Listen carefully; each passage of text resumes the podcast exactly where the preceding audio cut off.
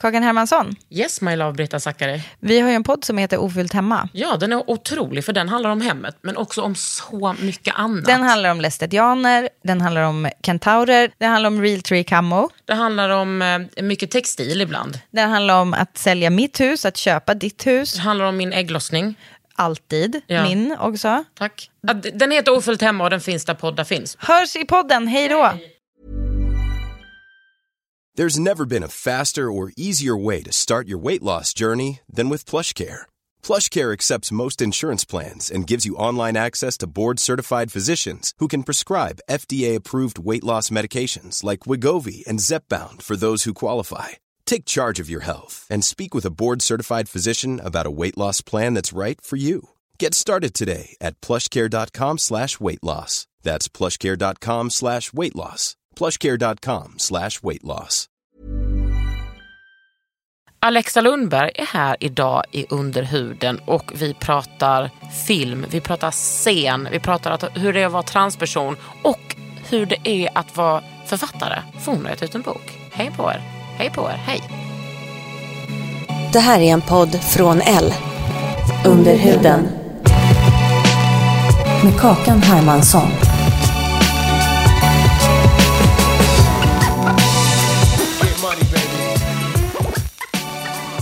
Alexa Lundberg, Ja, nu, du har kommit ut med en bok precis. Jajamän. Alltså det är inte därför egentligen jag vill ha dig hit, utan men det är en väldigt bra ursäkt för att ha dig hit. verkligen. Boken har det fantastiska namnet Bögflickan.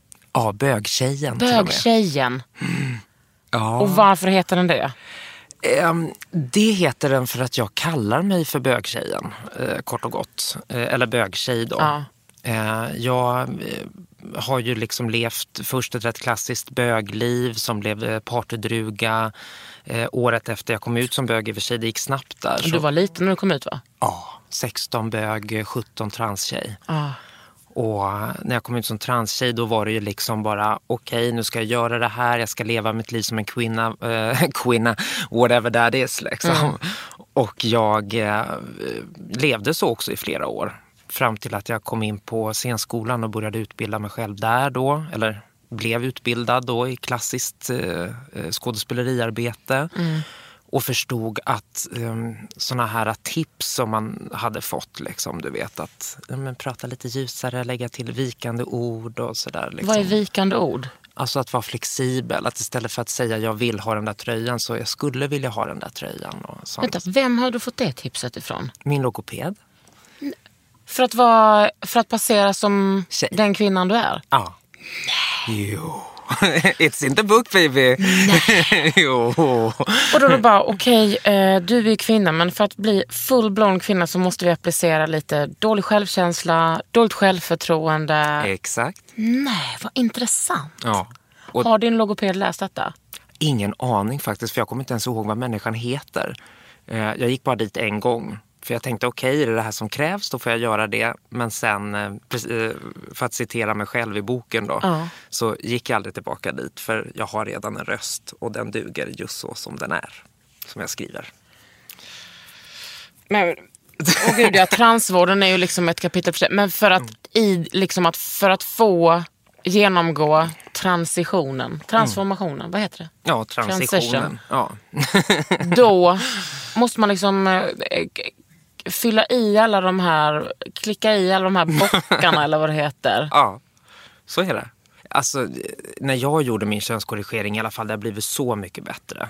Alltså, nu har de ju till och med en egen avdelning för partiell kirurgi. Alltså icke-binära då som känner att jag kanske bara behöver ta bort brösten eller jag kanske bara behöver ta lite hormoner och se hur det känns och sådär.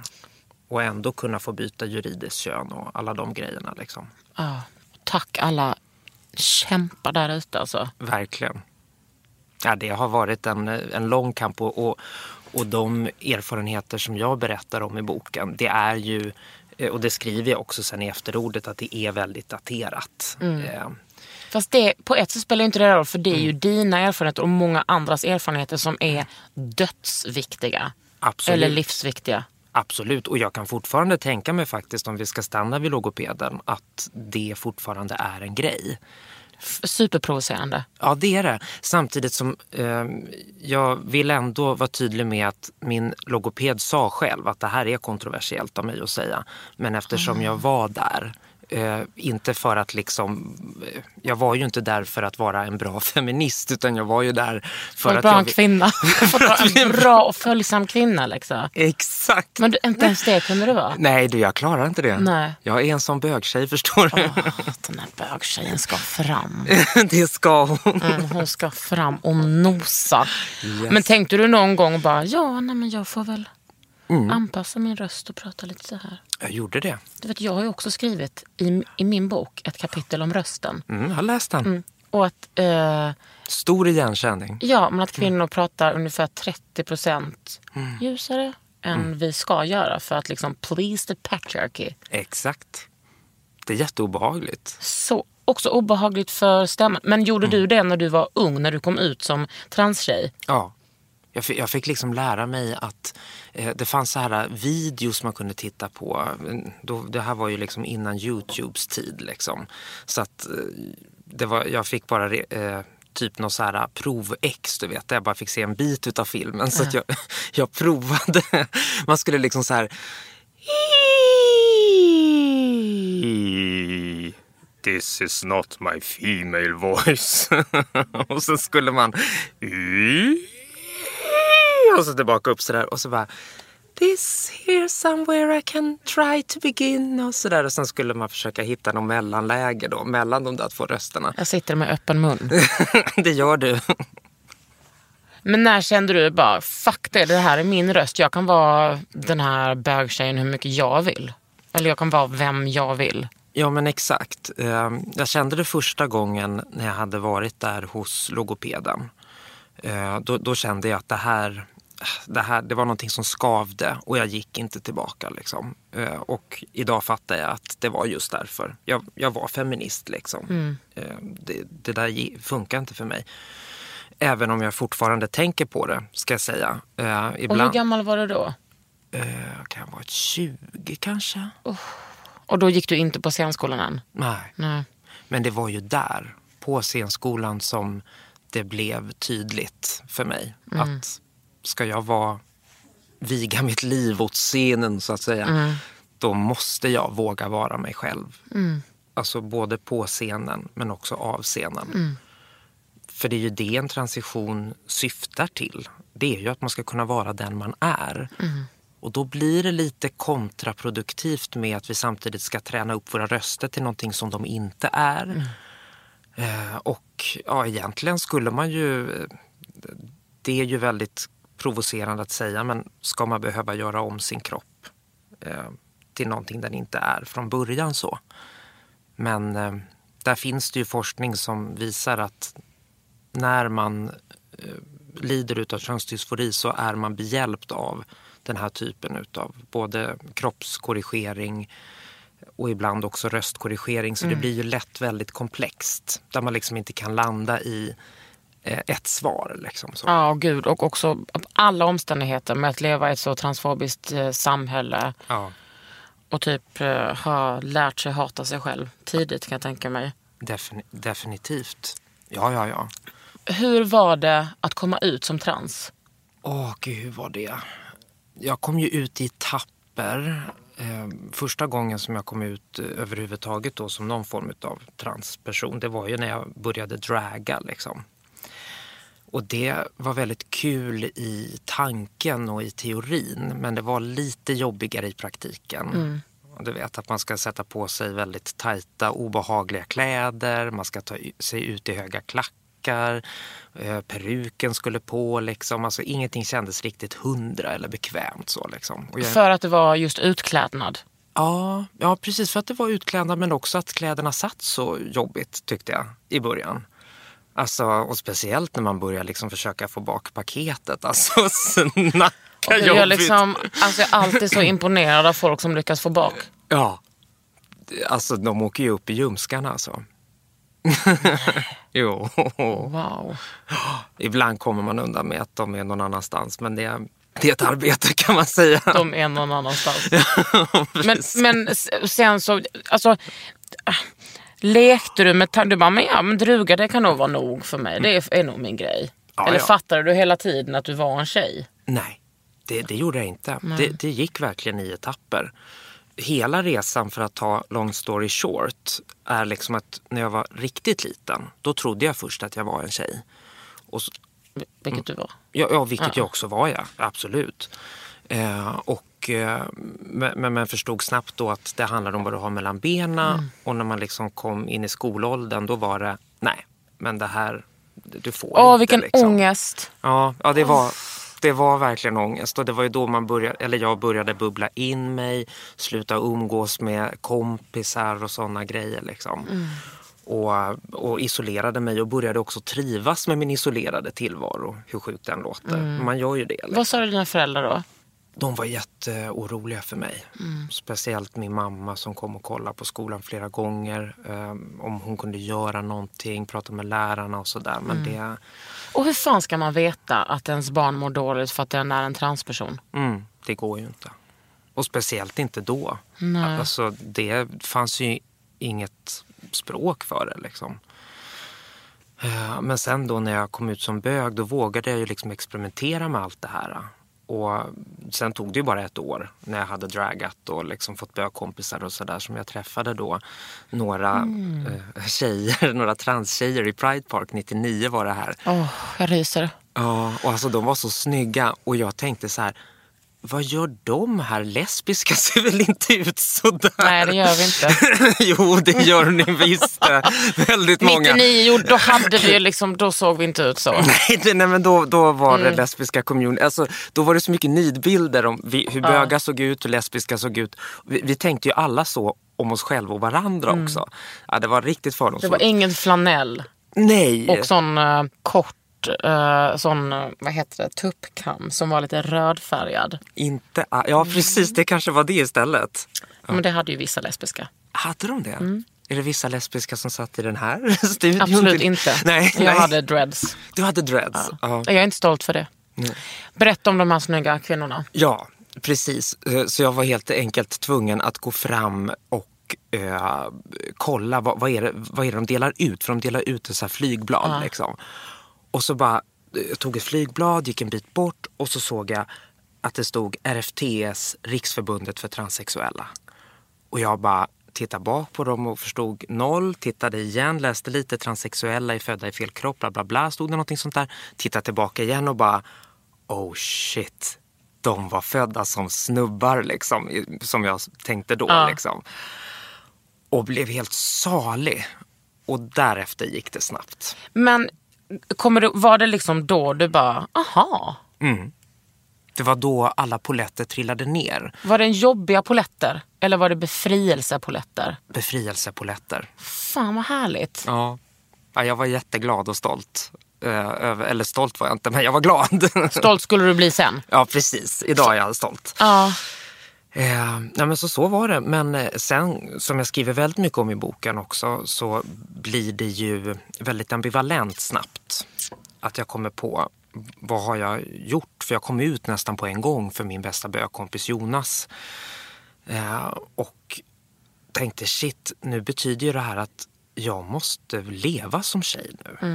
Och det blev lite för snabba puckar så jag tog tillbaka det.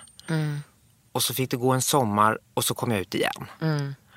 Och så tänkte jag, men nu är det på riktigt och det var det också. För jag, från den dagen började jag leva som kvinna. Liksom.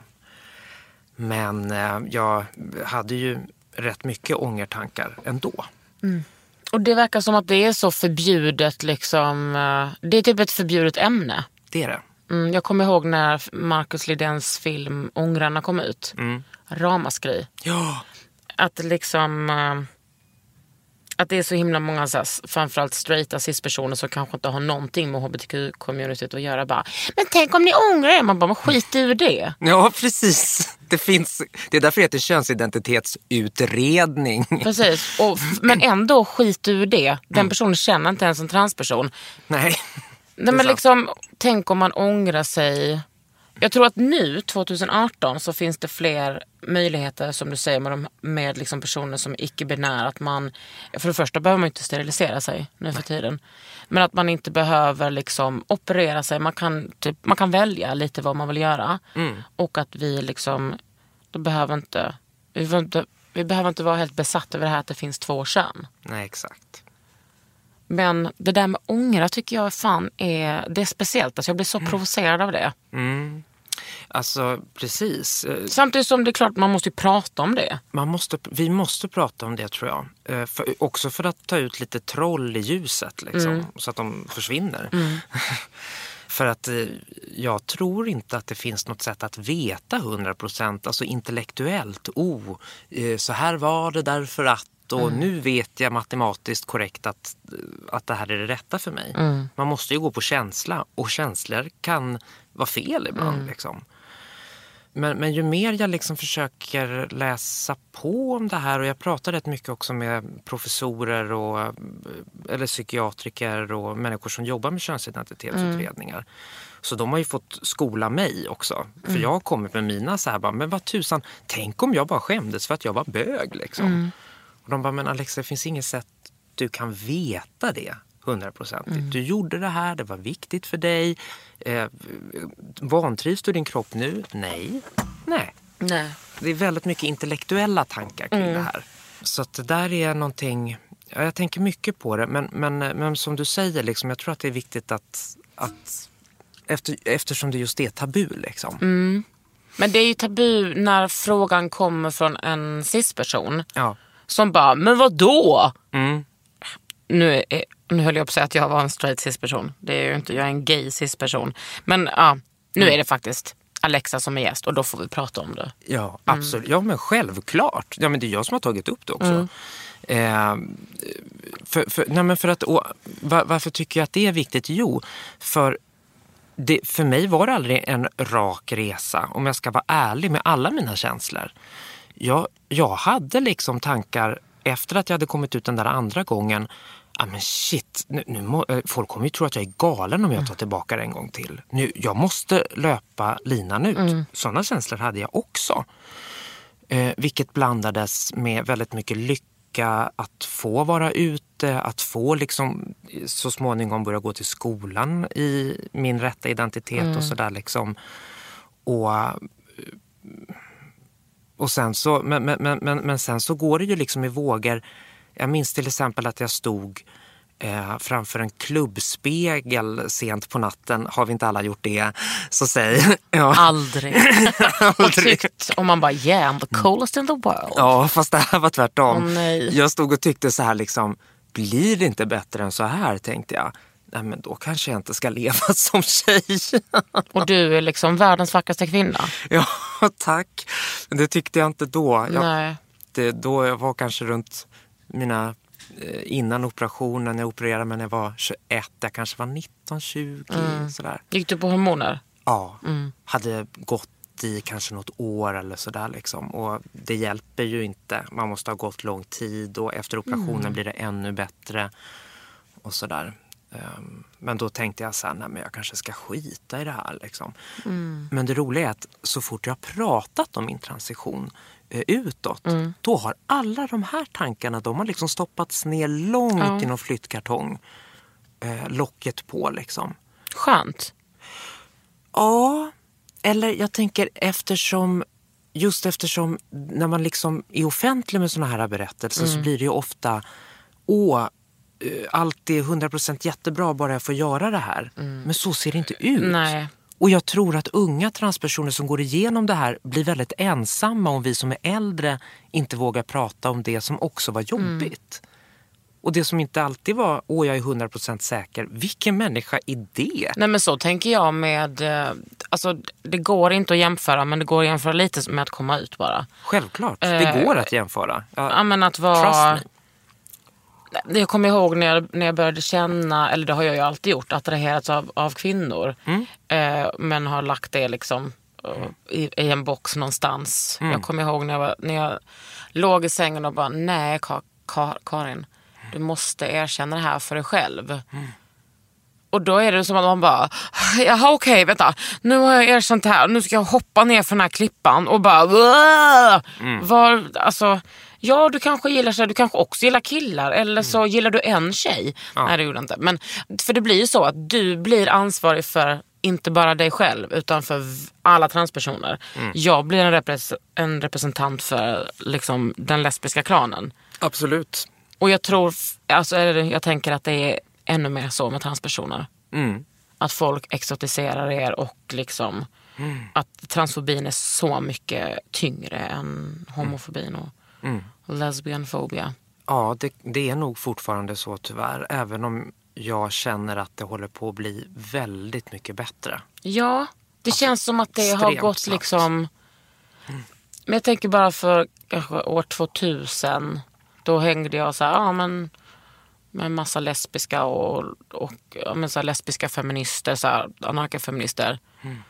Det var, fanns inga transpersoner, man pratade inte om trans, vi visste ingenting. Mm. Sen lärde jag känna en transtjej som liksom fick läxa upp mig på hur man använde orden och sådär. Okej, okay. när var det? Det var tidigt, det var kanske 2001, 2002. Skojar du med mig? Nej. Gud, det var ju precis i den vevan jag kom ut. Men då fanns ju inte sånt här som cis-person och nej, nej, nej, nej, nej. Men då råkade jag ju typ, alltså då använde jag ju fel ord hela tiden. Aha. Och kallade henne för transkille.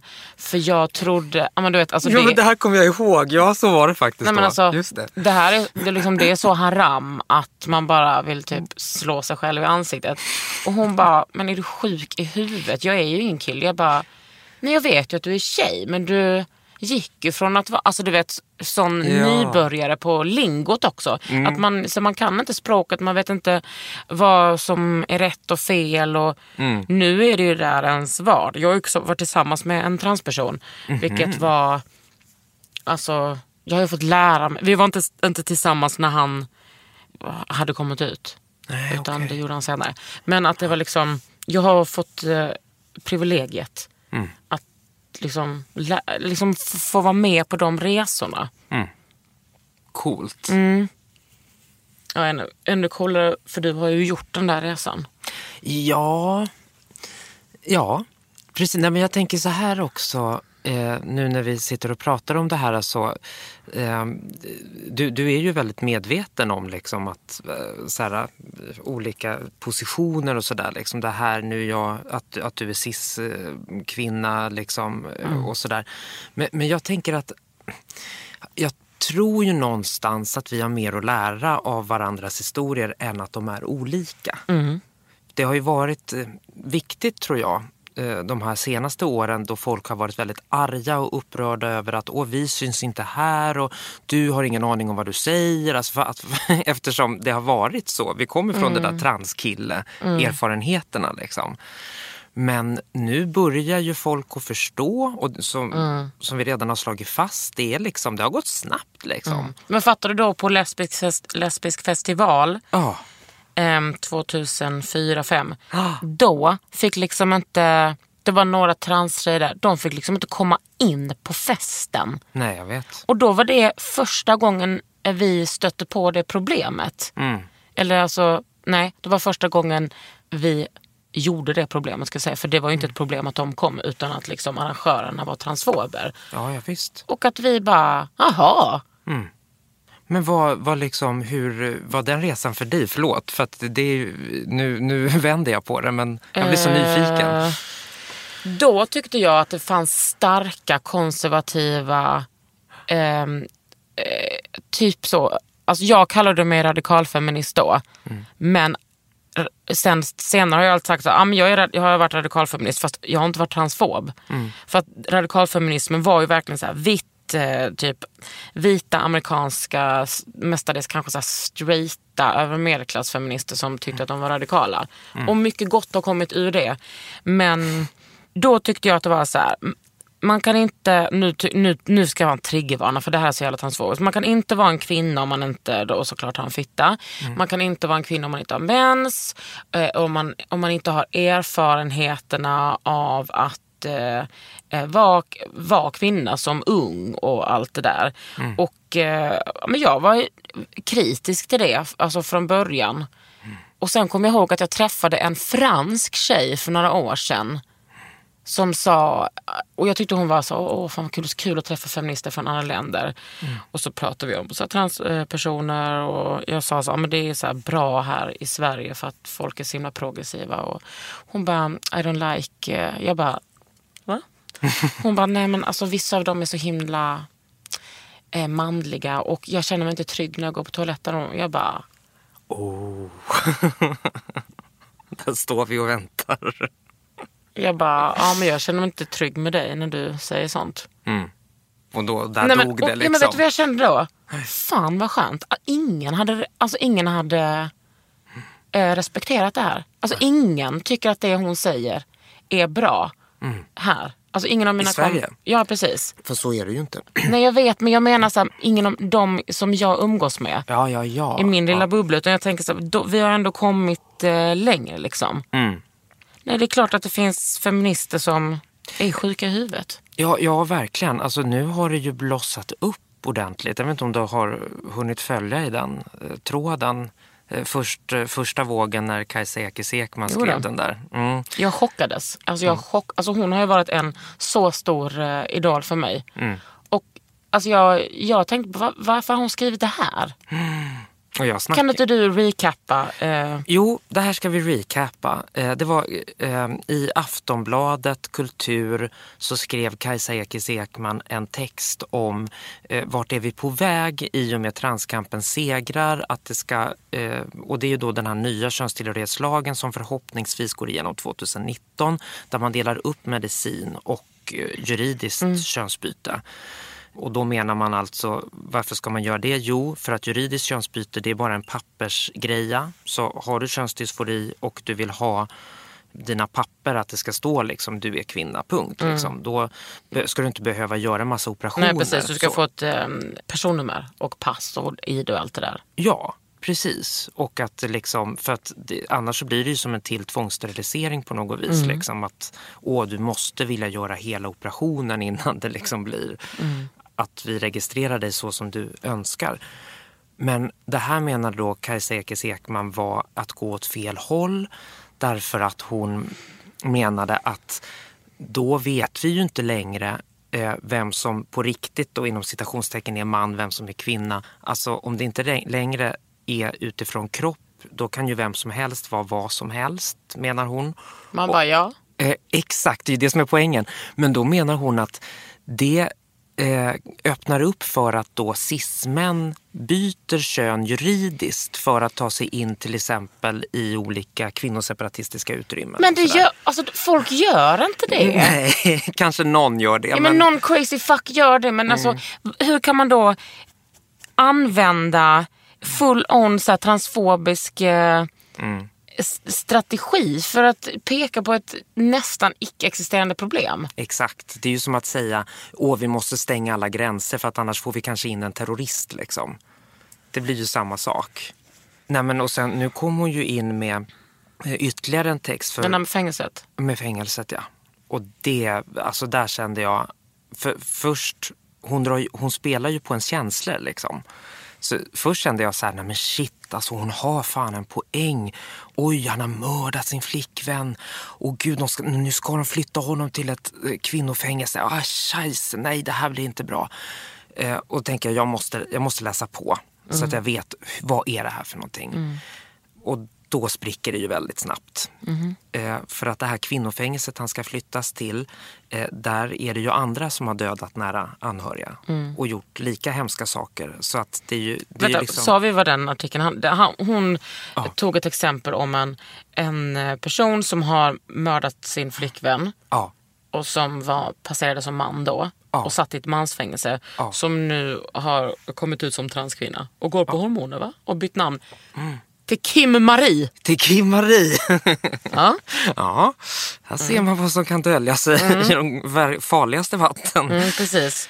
Och eh, skulle nu bli transporterad till ett, ett kvinnofängelse. Ja.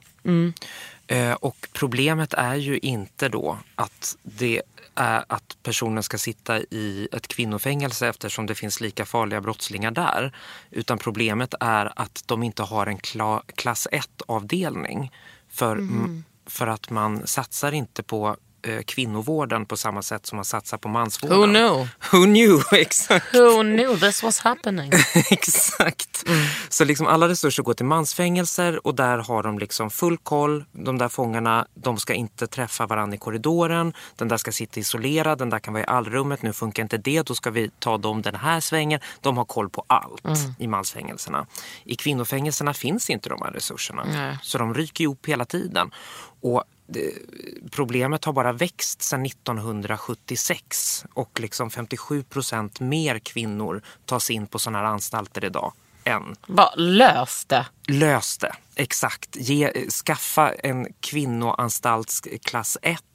Eh, mer personal, eh, mer utbildning, alltså allt liksom. Och när det är gjort, ja men då kan väl Kim, Ann, Kim, Marie sitta eh, liksom med personer som hon trivs med liksom om det funkar eller isolerad eller vad det nu är liksom. Det viktiga Går är man ju... den, varför går man det ärendet och skriver den artikeln? Ja. Men har du varit en av de personerna som har skrivit Mm. och svarat henne? Ja, ja, jag har svarat. Hur har det mottagits då? Jag har inte fått något svar från eh, Ekis Ekman. Eh, vi pratade ju efter hennes första artikel i eh, eh, en podd som jag har för eh, feministiskt perspektiv. Eh, och där möttes vi och liksom pratade och jag tycker vi kom närmare varandra där. Eh, Men sen så kom den här artikeln och då tänkte jag att nej, men det, jag kan inte bjuda in till en till sittning utan nu, nu får jag svara bara. Liksom. Så jag, jag tycker inte heller eh, i det här enskilda fallet att den här fången ska flyttas till ett kvinnofängelse som det ser ut idag. Men inte för att jag liksom diskvalificerar människans identitet. För jag menar identifiera dig hur du vill. Du, eh, menar, du vet bäst vem du är, I don't care. Men jag bryr mig om säkerheten på de här anstalterna. Och den är inte tillräckligt trygg för någon på ett kvinnofängelse just nu. Så lös situationen på kvinnofängelserna, sen kan ni snacka. Liksom. Gud, du är så lugn och eh, harmonisk. Alltså, du, är så, du är så bra på det där. Saklig. En annan hade bara... "Bäh!" Ja, jag gjorde ju först och så märkte jag att vi kommer ingenstans. Så då började jag Men känner du, på. känner du att du hela tiden måste ta ansvar för alla transpersoner och alla typ så cispersoners stupidness? Du bara, kom ska jag utbilda er. Ja, nej, nej, nej det, det känner jag inte. Eh, Däremot så känner jag i de här situationerna när det blir väldigt mycket som är ihopblandat.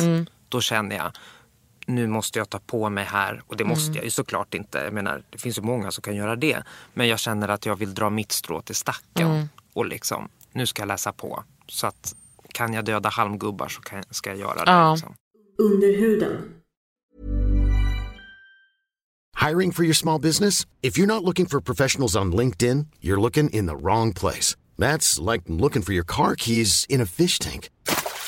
LinkedIn helps you hire professionals you can't find anywhere else, even those who aren't actively searching for a new job but might be open to the perfect role. In a given month, over 70% of LinkedIn users don't even visit other leading job sites. So start looking in the right place. With LinkedIn, you can hire professionals like a professional. Post your free job on linkedin.com/people slash people today.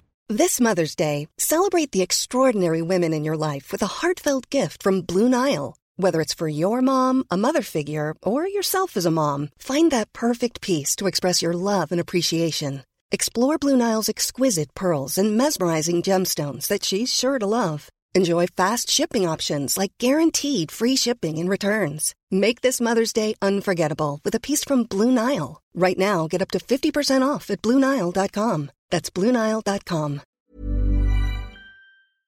Men känner du någon, alltså vi känner ju varandra för att vi, alltså man är i kretsen men också för att vi har jobbat ihop. Det har vi gjort. För att du är skådis och har varit skådis i en av mina konstvideos. Mm, var väldigt kul. Och också fruktansvärt. Det där arbetet var ju helt fruktansvärt. Jag gjorde ju ett Jo. arbete om män som dödar kvinnor och misshandlar kvinnor. Ah, det blev så jävla bra. Mm. Ja, det blev det. Jag har Ja. inte sett Nej, den här. Jag har sett det och sen så orkade jag liksom inte kolla på det igen. Men Nej. det blev skitbra. Mm. Jag intervjuade kvinnor och sen så eh, transkriberade jag, gjorde manus och sen gjorde jag nytt manus till er så gjorde ni del- eh, monologer om det. Ja, det var underbart kul. Vem var den andra skådisen nu? Det har jag glömt. Eh, det var Bahare. Just det, Bahare. Mm. När jag pratar med folk, andra folk som har gått på, eh, på scenskolan som till exempel har varit så här från förorten och som har rasifierat så har de ju alltid klagat på att så, här, ah, men jag blir bara förort. Känner du att du bara blev trans?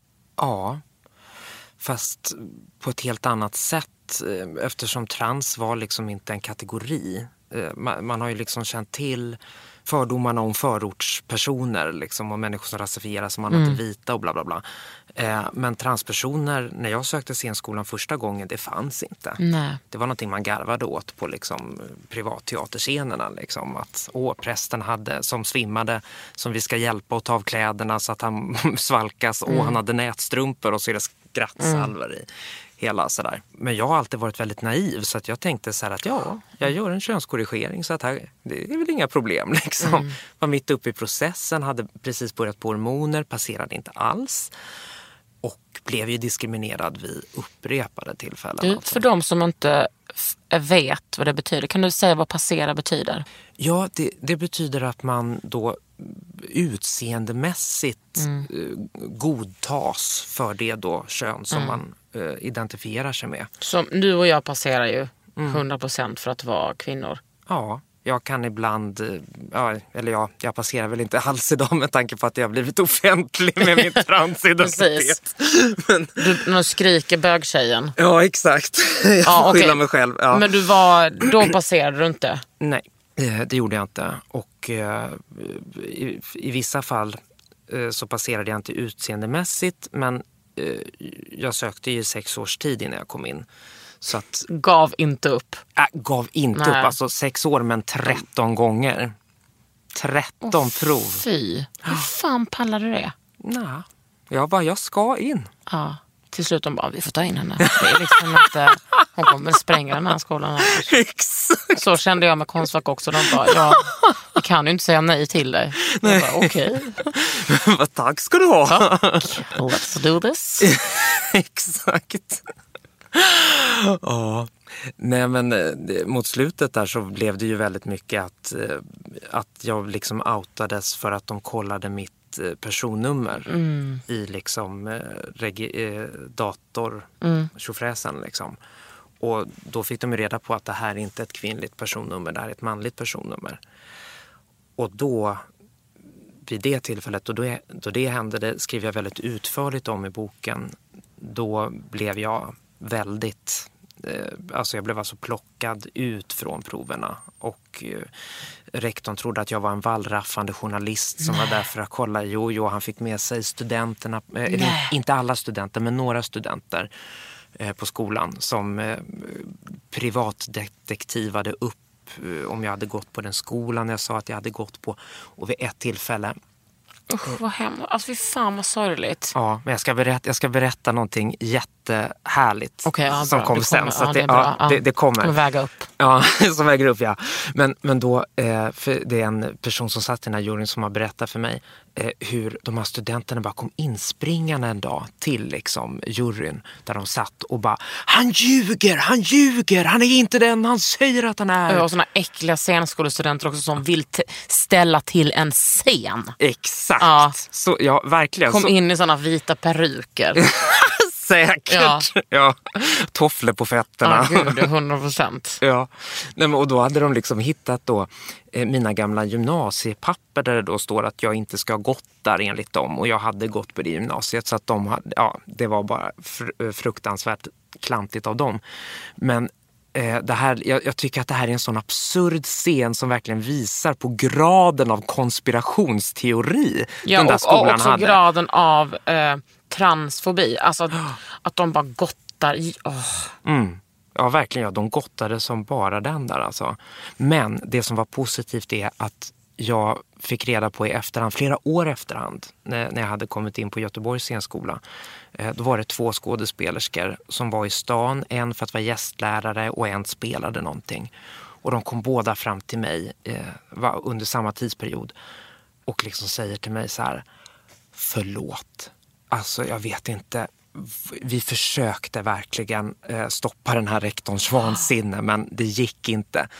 Och jag, de kramade om mig, de gav mig så mycket kärlek. De här två skådespelerskorna. Gud vad underbart. Ja, det var, jag började ju nästan grina. För jag trodde ju att allt och alla från den här tiden hatade mig liksom, och tyckte att jag var det äckligaste som fanns. Så när jag såg dem så ryggade jag ju. Liksom, bara så här, kom inte nära. Ja, du hade sett dem i juryn, du kände igen dem från juryn? Absolut, det är ju bara ett litet fåtal elit, teaterelit som liksom sitter i de där jurysarna. Och liksom, så jag tänkte, ni hatar mig. Men så kommer de fram och säger det här. Alltså, ja, du anar inte hur glad jag är att se att du går på den här skolan. Liksom. Ja men alltså det, det var gråtvarning på det här. Alltså, så deluxe. Alltså tack. Jag tackar via din podd här nu. Tack. Ni. Och såklart så var det två kvinnor som eh, hade kämpat för min sak bakom kulisserna. Liksom. Wow. Det var läkande att höra. Ja, jag fattar det. Sån jävla upprättelse. Ja. Men du, känner du, nu så här kategorin, vad, liksom, vad är det för roller du får och vill göra? Måste allting handla om trans? Jag har ju varit på dina uppsättningar. Mm, ja men precis. yeah girl. Eh, ja, måste allting handla om trans? Det tycker jag ju inte att det ska behöva göra. Ja, alltså det var ju inte, mm, du förstår ju frågan. Jag förstår precis. Och eh, min eh, hållning till det här är mångbottnad. Just för att eh, jag märkte ju precis efter scenskolan när jag bara skulle vara en skådis som alla andra. Liksom, att jag fick roller i specifika projekt. Eh, och mina kollegor, ja de fick liksom spela eh, på längre kontrakt. Men jag fick pjäskontrakt vilket ofta är en indikation på antingen att teatern inte har pengar eller att man är en sån där skådis som du passar här. Mm, Man vill se lite. Man, man vill se lite, precis. Det är en bruksskådis som får längre kontrakt. Liksom, du kan spela vad som helst inom ditt eget könskodade fack så att säga. Men eh, Det- Och ditt typ race-kodade fack. Exakt, ja ja precis, verkligen. Det är både, verkligen. Och nu börjar det väl luckras upp eh, åt lite olika håll. Och det jag märker är, nu får du hålla i bordskivan här, för jag märker att framförallt filmbranschen Ja. är under utveckling på det här Hoppsan området. hejsan. Hoppsan hejsan. Nu ska jag berätta en sak här. Teaterbranschen har, ju, har varit liksom bättre än filmbranschen. Mhm. Filmbranschen var helt stängd Mm. för bara några år sedan om du hade en transidentitet och var öppen med den. Precis, de kunde göra en film med Saga Bäcker. Ja. Och sen så, var de, så tänkte de, nu har vi gjort det. Ja, Ja. exakt. Och så bara, ja, vi, vi släng, ja precis. Mm, verkligen. Det, det där får vara en bra Ja, film precis. som vi kan titta på några år. Eh, men eh, nu eh, spelar jag in en thrillerserie till exempel. Där jag spelar en helt eh, vanlig kvinna, vilken som helst, liksom, kriminaltekniker. Thriller! En thrillerserie kommer 2019 med fyra as coola brudar i huvudrollen. Eh, lite av en metoo-inspirerad Men vänta, serie. vad heter, den kan vi få inte säga vad den heter. Jag får inte säga vad den heter. Jag har nog vilken redan kanal? sagt för mycket tror jag. TV3 och Viasat Play. Och fy fan vad underbart. Mhm. Det är ja, Alexandra Rappaport, Eva Röse, June, eh, ja, Julia du- Duvenius. Ja. Är du en av huvudrollerna? Nej, det är jag inte. Jag är en av birollerna. Men, ja, men det är helt fantastiskt. Och så nu i eh, går, eller nej, jag fick idag, så fick jag en pytteliten filmroll i- som jag ska åka ner till eh, Trollhättan och spela in eh, några dagar. Jo. Och det är också en sån här flickvänsroll. Liksom. Ja. Så att jag bara, vad är det som håller på att hända här? Förra året spelade jag in en Beck. Var jag så här vanliga grannen Sylvia liksom sådär. Ja. Och bara, film, den kommersiella filmbranschen. Erkänn, man blir lite, eh, man bara, mhm, vad är det som pågår? Man blir lite orolig. Lite, Mm. li, ja du menar kommers och kapital och... Nej men man blir lite såhär, du, nej, men tror, ja, man, man kan liksom inte bara luta sig tillbaks och chilla om man säger så. Så, så är det verkligen. Man, får ju, man blir ju rädd att det liksom ska vara, ha, hakar ni på någon trend här liksom eller sådär. Mm, ja, men det får du... Fast alltså, det är bra att de hakar på en trend att liksom vara mer inte dumma i huvudet. Mm. Trollhättan, kul. Där är min mamma ifrån. Mm. Ja, vad härligt. Watch out för dialekten. jag ska försöka. Du, ibland fick inte jag ens gå ut själv där för det var så mycket nazister när jag var liten. Ah, scheisse malaise. Tjej som Malaysia, absolut. Men du, Ja.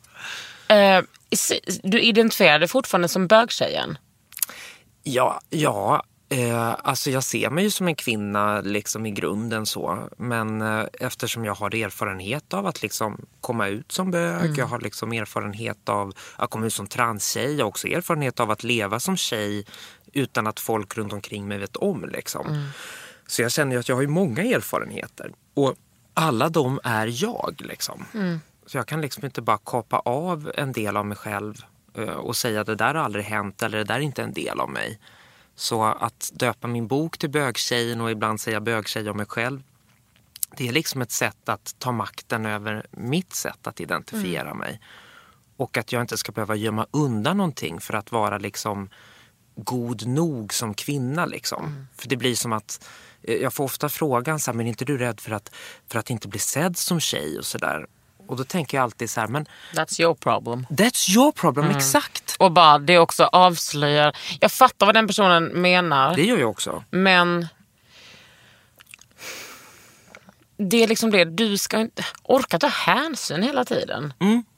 Det är ju som att liksom någon säger så här, blir inte du rädd för att inte bli sedd som kvinna för att du är så butchig eller för att du liksom inte sminkar dig eller liksom för att du inte, alltså det är Eller ju samma sak. Ja exakt. Men jag känner ju en massa transpersoner.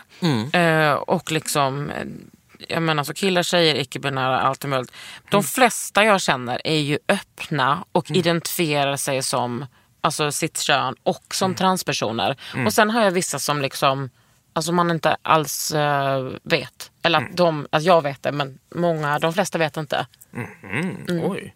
Eller oj säger jag. Ja. Kommer cisnormativiteten fram igen. Ja, kika fram. Vad är de egentligen då? Nej men alltså att de... ehm, Nej jag skojar. Alltså. Nej men jag fa- alltså, har det alltid varit liksom ett enkelt val för dig att så, köra det här racet som du gör? Nej, det, det är klart att det tar emot. Eh, och det har tagit många år också för mig. Att våga och det har också gått i etapper. Vi är lika gamla, 30, eller 81 år. Ja, 80 bästa året ever. Ja men eller hur? Det var då de producerades. The Star Babies. Very sharp women. Yeah girl. Very sharp objects. Yes, oh ja. Nej, det, det har gått i etapper och jag har spelat eh, olika typer utav föreställningar med transtema. Både liksom en så väldigt snäll, publiktillvänd, eh, en väldigt analyserande, rätt attackerande.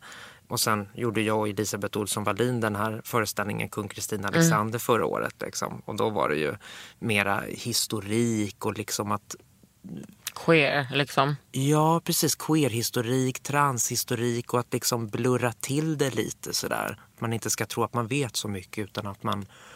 Eh, men också berätta Kristinas historia, hur hon höll på i sitt alkemilabb och försökte bli snubbe liksom.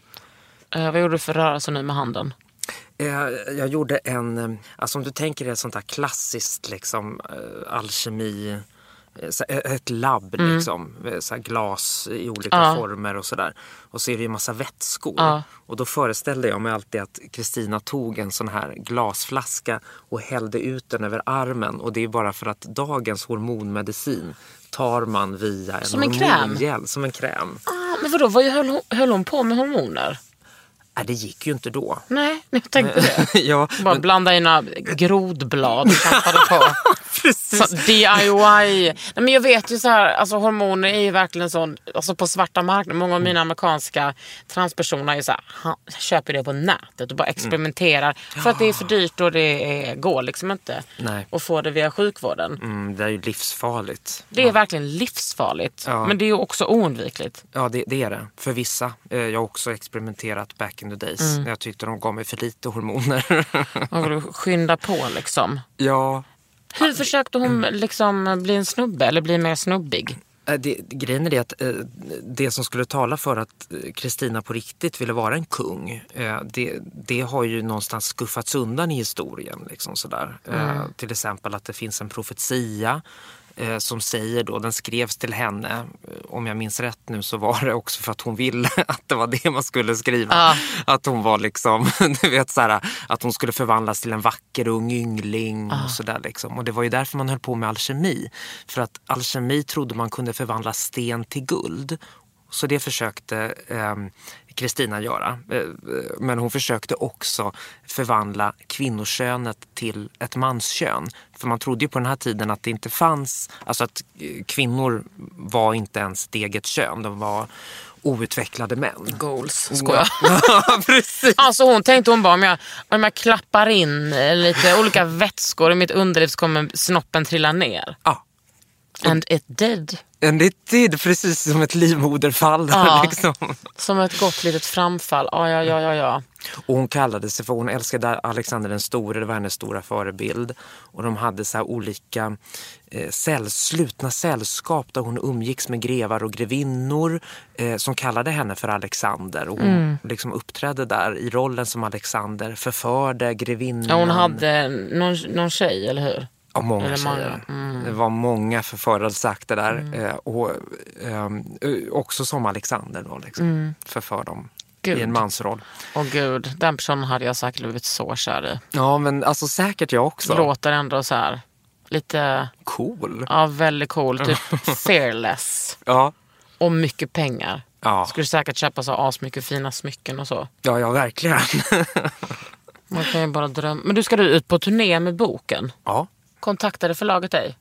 ja. Hello Alexa. Mm. Hello Alexa, do you want to write a book? Och jag sa eh, ja, vem vill inte göra det? Liksom. Fast det tog eh, ett och ett halvt år innan vi sa vi kör. För vi, ja det vet ju du också, att man sitter ju liksom, det är inte bara att skriva en bok utan man måste bara, vad ska du skriva, på vilket sätt, hur?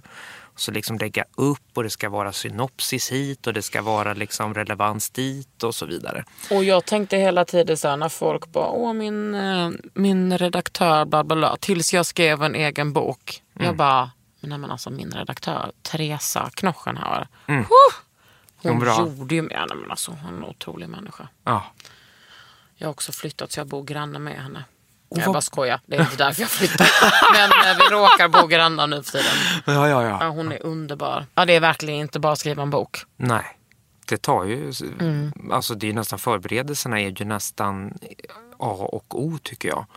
Att liksom veta vad är det jag ska skriva Mm. och sen när man börjar skriva ah, då spelar det i och för sig förberedelserna ingen jävla roll. Nej, men då har man också öppnat en port som är liksom Ah. from hell. From hell ja. Mm. Ska du göra någon, någon scenkonst? Nej, alltså nu eh, den här hösten blir det ju liksom filminspelningarna och eh, bokturné. Eh, Det är liksom det jag Mm. Det är fullt hinner med. Det är fullt upp. Men jag saknar scenen så pass mycket nu Mm. så att eh, jag kommer eh, återkomma till Mm. den snart. Så snart det bara är möjligt. Mm. För jag är, alltså tänk jag stod ju på scen liksom. Jag vet, hela tiden. Hela tiden ja. Det var liksom... Letade man efter det, då var det bra att leta efter en scen för där var du. Ja, precis. Och nu liksom efter att man har skrivit så här, liksom både bok och jag har också jobbat som journalist ett tag och sådär. Då har scenen blivit lite mera distanserad i mitt liv och det gillar inte jag riktigt. Nej. Jag är ett scendjur alltså. Ja, men det är som jag ateljén. Men kan du inte göra scen av boken? Inte dum idé. Du har nog tänkt den själv. Jag har tänkt den men, men liksom då, det, det hoppas jag på något vis ska kunna bli möjligt. Jag väntar på att en jättestor och rik producent ringer Ja. och säger det här ska vi Hej göra. Alexa, det här... Mm. Men nu finns i alla fall boken ute. Den heter Bögtjejen. Jajamän. Jävla bra namn. Tackar, tackar. Ja, Du har lyssnat på Under huden med mig, Kakan Hermansson. Och Alexa Lundberg. köp boken, bara gör det. Stötta, det är ju viktigt. Ja, det är det Eller hur? faktiskt. Så dyrt är det inte. Nej, det är det inte. Nej. 180 spänn, 200. På vissa dyra ställen 250. Ja, precis. Stöd din lokala transförfattare. Precis. Hej. Hej! Under huden med Kakan Hermansson. En podd från L.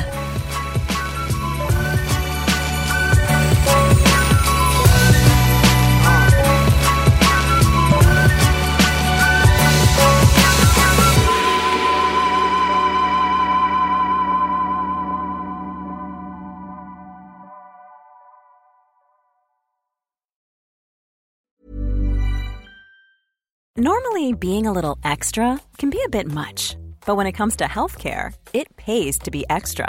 And United Healthcare makes it easy with Health Protector Guard fixed indemnity insurance plans. Underwritten by Golden Rule Insurance Company, they supplement your primary plan, helping you manage out of pocket costs without the usual requirements and restrictions like deductibles and enrollment periods. So when it comes to covering your medical bills, you can feel good about being a little extra. Visit uh1.com to find the Health Protector Guard plan for you. Normally, being a little extra can be a bit much, but when it comes to healthcare, it pays to be extra. And United Healthcare makes it easy with Health Protector Guard fixed indemnity insurance plans. Underwritten by Golden Rule Insurance Company, they supplement your primary plan, helping you manage out of pocket costs without the usual requirements and restrictions like deductibles and enrollment periods. So when it comes to covering your medical bills, you can feel good about being a little extra. Visit uh1.com to find the Health Protector Guard plan for you.